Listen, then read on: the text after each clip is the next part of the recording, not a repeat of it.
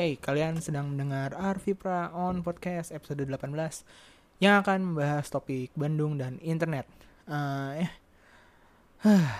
emang ya, kalau audio doang tuh sama audio visual itu deliverynya tuh cukup beda gitu ya. Kalau video gitu kayak di YouTube gitu kan di setiap videonya tuh sebenarnya nggak perlu diucapin ini channel apa kayak kayak kayak hey what's up guys selamat datang di channel ini ini ini, ini. terus nggak nggak perlu kan nggak bilang kayak kita mau ngebahas apa uh, apa? Hey what's up guys? Balik lagi channel ini. Hari ini gue akan ngebahas ini nah, nah, nah. ya kalau misalnya itu emang ada itu kan sebenarnya kan cuman basa-basi aja kan? Soalnya ya lu udah bisa lihat dari judulnya. Lu bisa lihat dari nama channelnya. Terus juga ada bantuan thumbnail kan? Nah ini kalau audio kayak gini nih gue mikir yang dengerin kan paling auto autoplay. Gue nggak tahu sih kalau ada yang dengerin. Kalau gue bisa dengerin dengerin podcast ya biasanya abis podcast satu yang satu kelar langsung dia langsung apa next ke episode berikutnya atau episode sebelumnya gitu kan. Jadi dia autoplay gitu. Nah kan berarti kan harus diinformasikan dulu kan. Kayak tadi gitu kan kalian sedang mendengar kayak 18 yang sedang nah, nah gitu.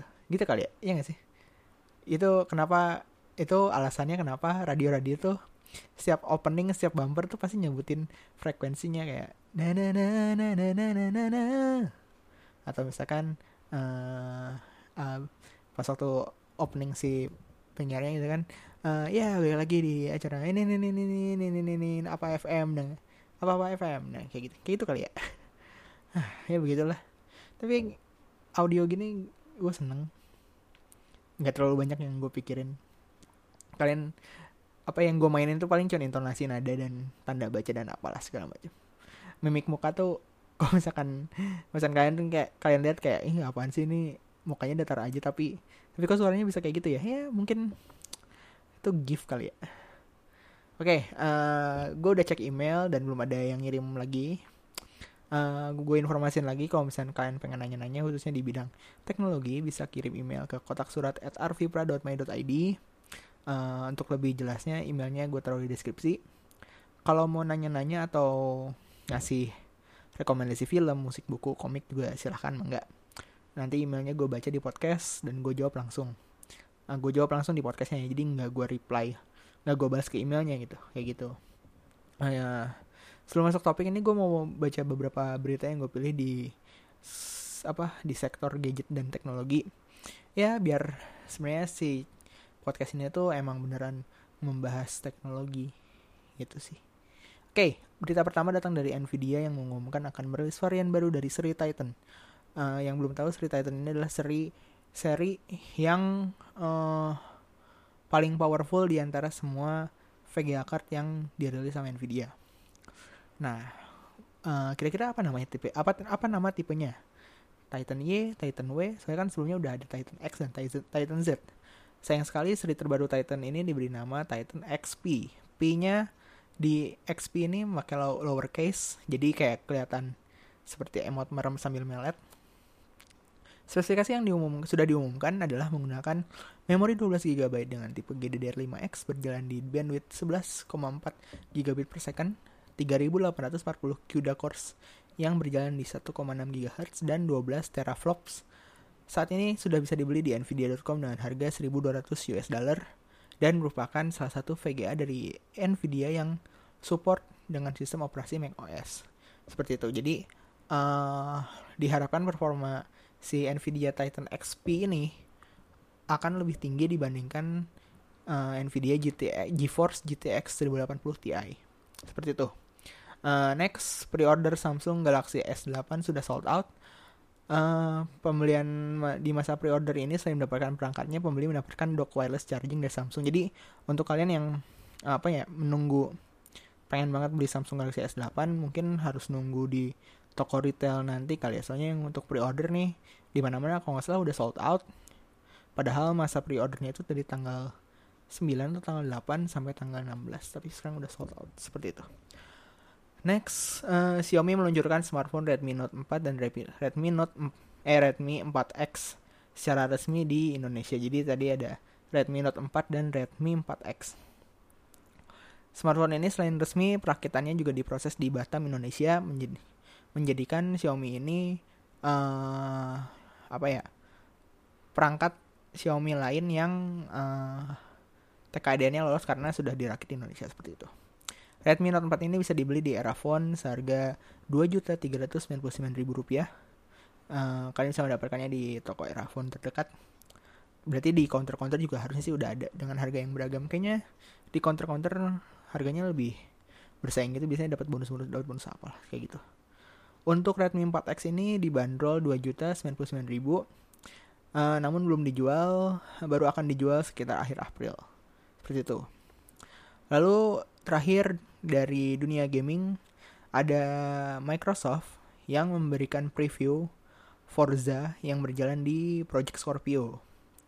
Uh, dia memberikan preview ini uh, apa khusus ke Digital Foundry. Kalau misalnya kalian belum tahu, Digital Foundry adalah channel YouTube yang ngebahas apa ya game tapi dari sisi teknisnya teknisnya gitu loh kayak kayak frame yang dihasilkan berapa per secondnya terus udah gitu dibandingkan sama yang lain seperti apa dan sebagainya lebih detail lah seperti itu Preview tersebut memberikan informasi bahwa Forza di Project Scorpio berjalan 60 frame per second di, resol di resolusi 4K dengan hanya beban GPU-nya di 60%. Jadi berarti headroom di Project Scorpio ini uh, mungkin lega banget karena ini 4K 60 fps aja tuh si graphics processing unitnya tuh baru bekerja 60%. Gimana kalau misalkan 100% gitu kan seperti itu. Microsoft memberikan info Project Scorpio ini akan diluncurkan di akhir 2017 dengan harga di atas Xbox One dan Xbox One S. Ada yang memprediksi harga Project Scorpio ini berada di sekitar 500 US dollar. Seperti itu. Uh, Oke, okay. itu tadi berita pilihan untuk minggu ini.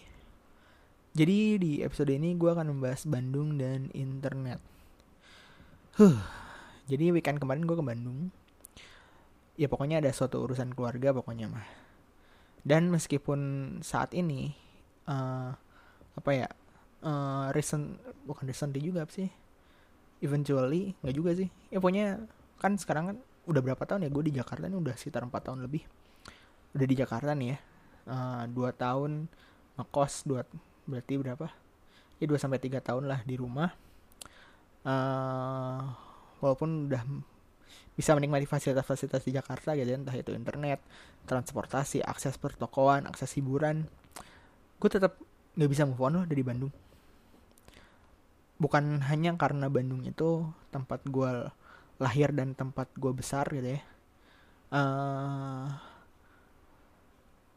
beberapa alasannya tuh sempet gue kasih tahu di episode yang bareng Adrian itu episode berapa ya 11 12 ya. Pokoknya di situ lah kalian bisa cek sendiri yang gue ngebahas Jakarta dan Bandung. Nah di sini gue akan memberikan alasan-alasan kenapa menurut gue tuh gue tuh susah banget move on dari Bandung. Seperti itu. Uh, pertama adalah uh, yang gue suka dari Bandung itu tahu. Tahunya ya tahu t a h u. Tofu tofu tahu. Bukan tahu tahu tapi uh, entah kenapa seaneh-anehnya tahu di Bandung. Tetap berada di atas tahu terbaik yang bisa gue nikmatin di Jakarta. Dan ini tuh berlaku ke gorengan pinggir jalannya juga gitu. Gue tuh semenjak di Jakarta tuh sangat sangat memilih untuk jajan gorengan. Bukan karena sok kaya atau diet itu atau males ah males makan gorengan dan segala macem. Enggak tapi sesimpel nggak ada yang enak aja.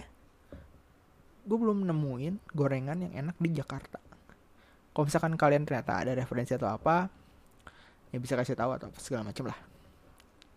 Terus di sini tuh di Jakarta ini tuh namanya tuh kan tahu isi dan bakwan kan. Sedangkan kalau misalkan di Bandung itu gehu untuk tahu isi dan bala-bala untuk bakwan. Dan setelah gue cermati walaupun katakanlah itu saling apa ya, ya maksudnya uh, gehu di Bandung itu sama kayak tahu isi di Jakarta dan berlaku di bala-bala dan bakwan juga. Tapi setelah gue cermati itu masing-masing masing-masing si si gehu dan tahu isi dan bala-bala dan bakwan itu sangat beda. Mirip tapi ada titik ada inti atau ada core yang berbeda. Sehingga menurut gue tuh dari situ aja udah beda gitu loh. Uh, ini gue bakal coba ngejabarin. Jadi untuk yang belum tahu gehu itu adalah singkatan. Makanan-makanan Bandung terkenal dengan singkatan-singkatan. Kayak kalau misalnya kalian belum tahu batagor itu adalah singkatan dari bakso tahu goreng. Cimol itu aci di mall cilok itu aci dicolok cireng itu aci digoreng uh, apa lagi ya? ya pokoknya itulah banyak. Uh, banyak yang akronim akronim seperti itu. Nah gehu itu adalah singkatan dari toge dalam tahu atau uh, toge jero tahu atau apalah pokoknya intinya ada toge di dalam tahu. Jadi yang di dalam tahu tuh ya cukup toge aja gitu. Sedangkan pas waktu gue di Jakarta ini tahu isi tuh isinya tuh kadang-kadang tuh nggak cuman toge gitu. Kadang ada wortelnya kadang ada cabe kadang ada apa dan segala macam gitu. Menjadikan dari intinya itu tuh udah beda. Seperti itu. Gue di tim gehu nggak di tim tahu isi padahal padahal kan yang tahu isi isinya lebih banyak lebih untung atau apa. Uh, eh, gue sih nggak nggak ada pikiran ke sana ya. Gue lebih ke apa taste nya gitu soalnya kalau misalkan isinya banyak tuh harus ko komposisi yang diatur tuh harus sedemikian rupa supaya menghasilkan rasa yang pas. Sedangkan si gehu ini nih ya karena cukup tahu dan toge gitu kan. Sehingga untuk mencapai komposisi yang pas itu tuh nggak terlalu membutuhkan effort lebih gitu seperti itu nah Terus yang selanjutnya nih ya. Perbedaan bakwan sama bala-bala. Nggak tahu ya, gue setiap kali ngelihat bakwan di Jakarta ini, ya bakwan emang di Jakarta, ya pokoknya melihat bakwan. Ini tuh bentuknya tuh lebih rigid, lebih rapi. Eh intinya berbentuk lah. Entah itu ada yang tipis, tipisnya tuh tetap beraturan, maksudnya tuh konsisten. Terus bulat, terus ada yang lonjong gitu kan. Nah, nah kalau bala-bala ini tuh bentuknya tuh lebih urakan, nggak konsisten. Tergantung gimana yang beli tergantung gimana dia si eh tergantung gimana yang beli tergantung gimana yang bikin. Tergantung gimana sih yang bikinnya ini ngambil si bala-bala ini dari penggorengan gitu. Karena itu menentukan bagaimana bentuk dari si bala-balanya itu. Nah kalau misalkan jika kita lihat dari isi bakwan itu isinya lebih beragam. Gue sudah ngeliat ada ada ada jagung lah ada daun bawang ada ada cabai juga gitu kan kadang-kadang gue nggak tahu juga sih. Pokoknya isinya tuh banyak lah. Ada rebung juga nggak tahu ya. Ada nggak sih? Ada kan? Nah sedangkan kalau bala-bala ini tuh sesuai dari penamaannya. Bala-bala itu kalau misalkan di bahasa Sunda itu artinya sampah. Bukan sampah kotor bukan sampah yang kotor tapi sisa-sisa potongan sayuran itu tuh bala ngebala tuh berantakan pokoknya gitulah Nah, itu tuh biasanya isinya tuh ya potongan kol sama potongan wortel aja. Dan menurut gue, ya gue ada di tim bala-bala. Soalnya rasanya itu setiap tukang penggorengan, setiap tukang gorengan itu pasti sama. Jadi gue nggak perlu ada tukang gorengan yang apa ya, yang ini banget lah, yang kojo banget itu karena ya gue bisa beli di mana dan segala macam itu kan. Seperti itu. Dan kalau misalkan apa ya yang bakwan ini tuh biasanya tuh para penjual itu punya cita rasanya masing-masing. Dan apa ya walaupun bentuknya berantakan tapi bala-bala ini rasanya tuh konsisten. Nah seperti itu. Itu dari sisi tahu ya merembet ke gorengan nah terus yang kedua yang membuat gue susah move on dari Bandung ini adalah cuacanya. Uh, anehnya tuh semenjak gue menetap di Jakarta setiap kali ke Bandung tuh pasti gue masuk angin. Mencet-mencet lah. Tentu terus gitu kan. Pengen boker sakit perut dan segala macam itu. Seakan-akan tuh kayak nggak tahan sama udara Bandung padahal gue lahir di situ. Mungkin ya gara-gara cewek-ceweknya emang emang apa gue dipaksa ke tingkat yang rendah gitu loh cuaca yang lebih rendah cuaca yang temperaturnya lebih rendah lebih adem lebih sejuk lebih dingin seperti itu. Mana uh, kebetulan setiap kali gue ke Bandung gue pasti tempat tinggalnya tuh rada rada ting apa gimana ya? Pokoknya nggak nggak terlalu ah, apa ya?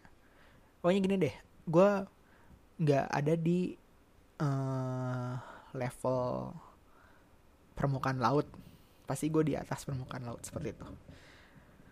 Nah terus juga karena cuaca yang lebih adem sejuk gitu untuk beraktivitas tuh kayak lebih enak aja gitu. Nggak keringetan nggak nggak lepek nggak ya mantap lah gitu kan. Kalau misalkan misalnya gue gue semangat tuh kalau misalkan apa berangkat pagi dan segala macam. Kalau misalnya di sini gue kayak ah anjir panas males dan segala macam gitu loh. Kalau itu juga ya gitulah. Kulinernya juga mantap gitu kan gue belum nemuin apa tempat makan yang yang nggak enak gitu ya.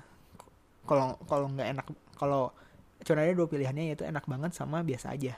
Dan gue belum ketemu yang nggak enak. Kayak gitu.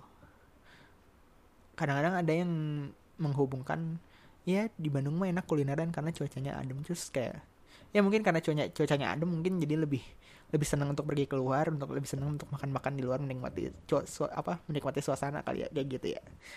Gitu. Kalau kalian gimana? Punya memori yang berkesan nggak mengenai Bandung? Nah semenjak tinggal di Jakarta ini juga kan Bandung juga pembangunannya juga apa sering tuh. Uh, taman di mana-mana gitu tempat wisatanya lebih banyak. Tapi kalau boleh jujur gue belum pernah tuh ke tempat-tempat yang baru. Jangan kan tempat yang baru gitu ke alun-alun aja yang yang yang sekarang tuh udah udah bagus udah rapi itu tuh gue belum belum pernah. Bukan hanya alun-alun yang udah rapi ya dari kecil aja tuh gue belum pernah ke alun-alun. Seperti itu. Sedih gak sih? Hal terbaru dari Bandung yang pernah gue datangin tuh cuman mall BEC yang baru aja tuh. Soalnya setiap kali ke Bandung gue udah punya preferensi sendiri harus ke mana. Ke mana buat main ke mana buat rekreasi dan ke mana untuk kulineran ya kan. Kayak misal gue setiap kali ke Bandung itu pasti ke rumah makan kehidupan tidak pernah berakhir. Iya itu nama rumah makannya. Kehidupan tidak pernah berakhir. Itu kalian cobain ke sana. Rumah makannya ini terletak di Jalan Pajajaran.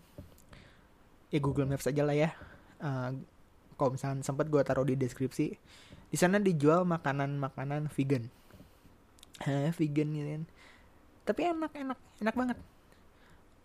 Yang jadi favorit gue adalah sapi lada hitam sama satenya nah terus kalian bingung loh kata lu itu restoran vegan? Kok ada sapi lada hitam sama sate? Ya lu coba ke sana aja. Jadi si nama sapi lada hitam sama satenya itu cuma gimmick. Itu tuh nggak dibikin dari daging. Itu tuh dari olahan jamur yang gue baca. Kalian coba sendiri aja.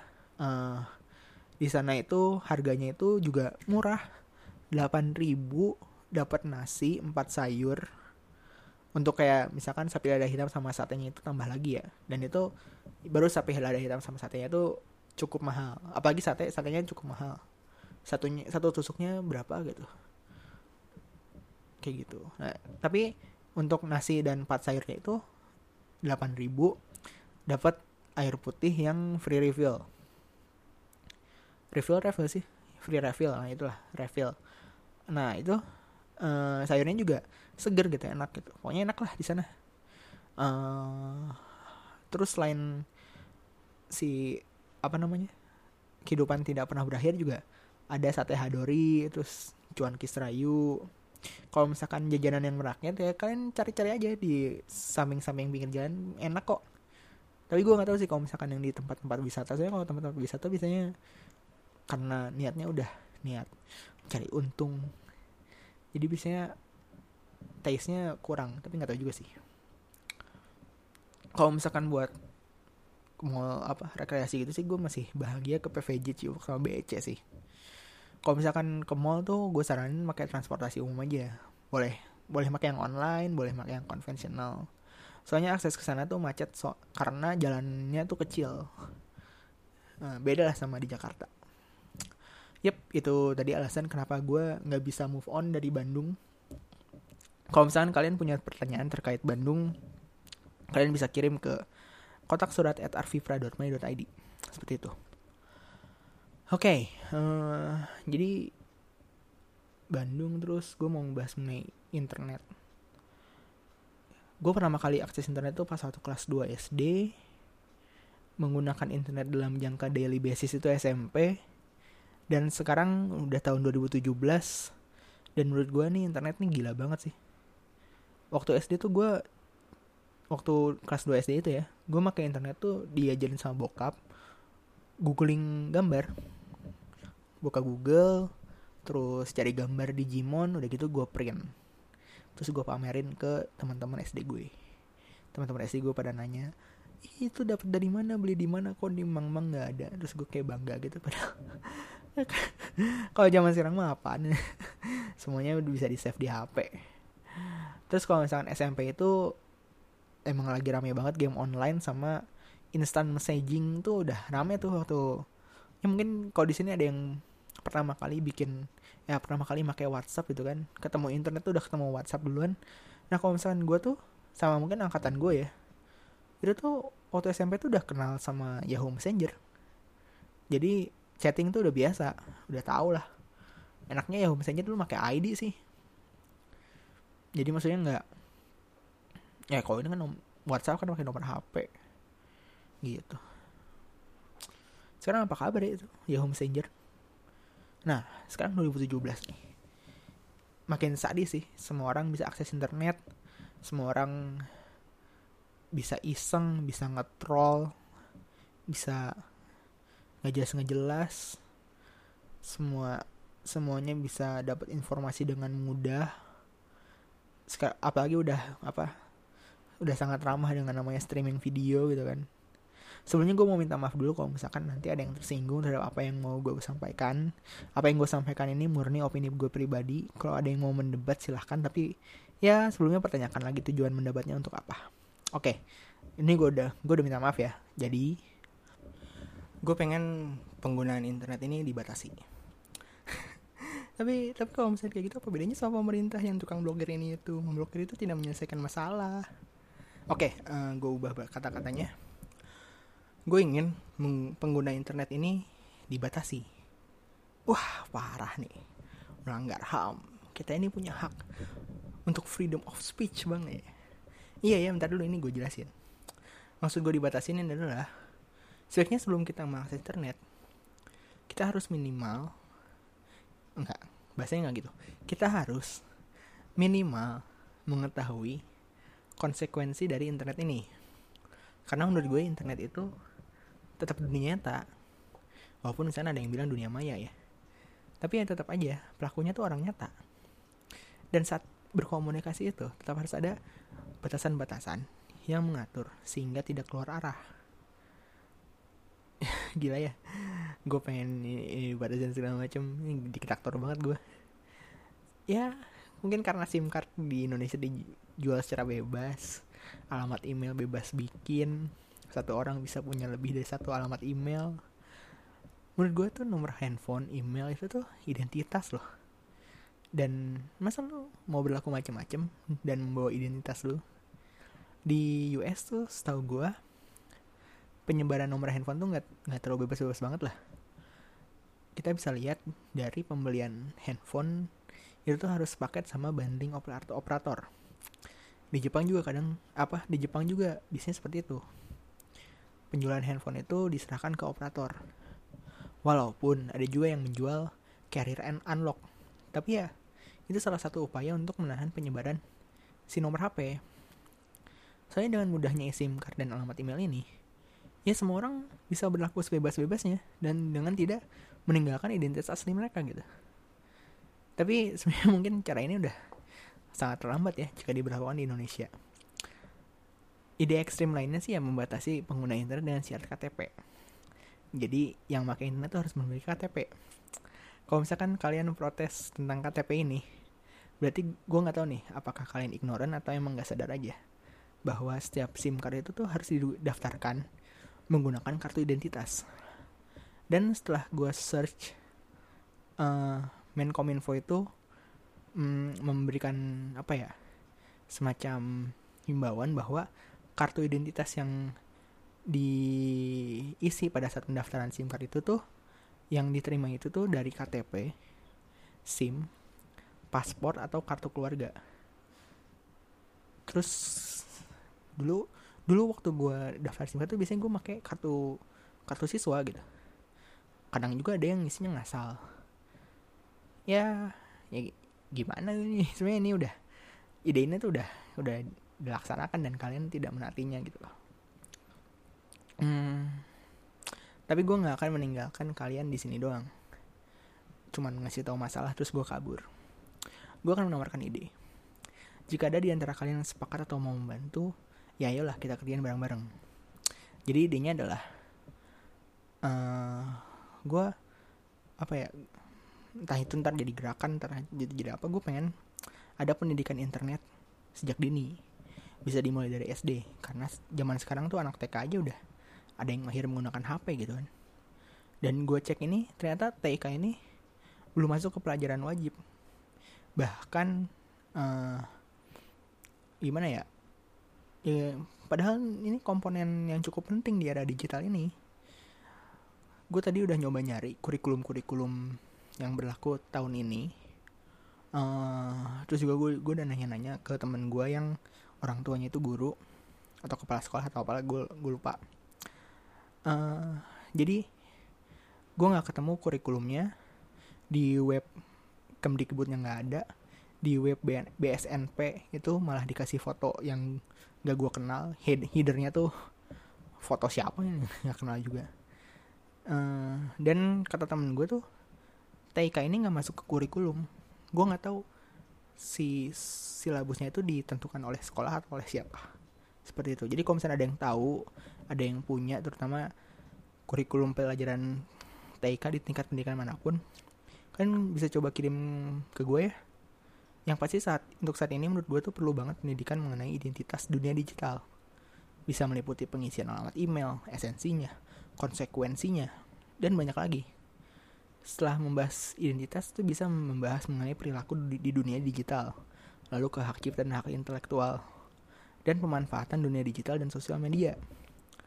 Ya, pasti anak sekolah sekarang kan udah pada punya akun sosial media kan. Dan menurut gue tuh penjelasan mengenai itu tuh perlu diberikan secara jelas. Gue pertama kali ikut pelajaran TIK itu SMP. Di SMP itu gue belajar software Paint menggunakan disket terus aplikasi Office. Pas waktu SMA itu belajar Excel, programming Pascal, sama ngafalin icon sama toolbar. Iya sih, uh, itu tuh berhubungan sama TK gitu dan kalau misalnya di ujian kan gampang. Tapi menurut gue tuh core-nya tuh nggak di situ. Kalau pendahuluannya aja udah kesasar, ini nih ilmu-ilmu yang dipelajari ini bisa disalahgunakan. Gue dulu gue dulu pernah punya keinginan jadi guru TIK yang nggak tahu juga bakal kesampaian atau enggak ya lihat nanti aja lah ya. Kalau misalnya ada yang mau menanggapi seperti biasa bisa kirim email ke kotak surat at arvipra.my.id apa perlu dibikin forum lagi ya? Ya sebenarnya ya dulu gue sempat bikin tapi ya apa sepi juga dan email juga sepi. Ya ya udahlah berarti emang gak ada yang denger aja nih oke okay, ya itu tadi bahasan mengenai Bandung dan internet. Gue tahu opininya sangat subjektif banget ya. Dari sudut pandang gue doang ya maaf. Kalau ada yang kesinggung atau apa ya nama juga opini. Ya gitu aja sih. Ya kalian kalau misalnya suka bisa klik like. Kalau misalkan mau di subscribe boleh. Kalau mau di share juga oke. Okay. ya mending di share aja lah biar circle-nya makin gede. Gue takut yang denger itu itu lagi itu itu lagi kalau ada yang mau nanya bisa kirim email ke kotak surat at Terima kasih semuanya, temukan passion kalian dan jadilah yang terbaik. Dah.